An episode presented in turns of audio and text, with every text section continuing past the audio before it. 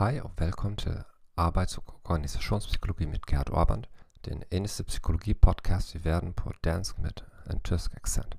I denne episode vil vi tale om samvittighedsfuldhed og arbejdsindsats. I den sidste episode lærte vi om Big Five-modellen af personlighedstræk.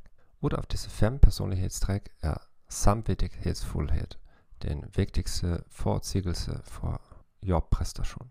Dette er ikke overraskende. Jeg citerer.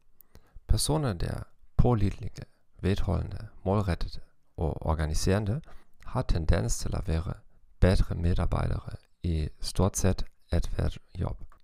Set negativt er dem, der er skødesløse, uansvarlige, impulsive og som ikke stræber efter resultater, dårligere ansat på stort set hvert job.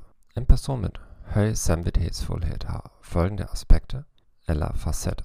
Den er kompetent, ordentlig, præstationsorienteret, selvdisciplineret og fast besluttet.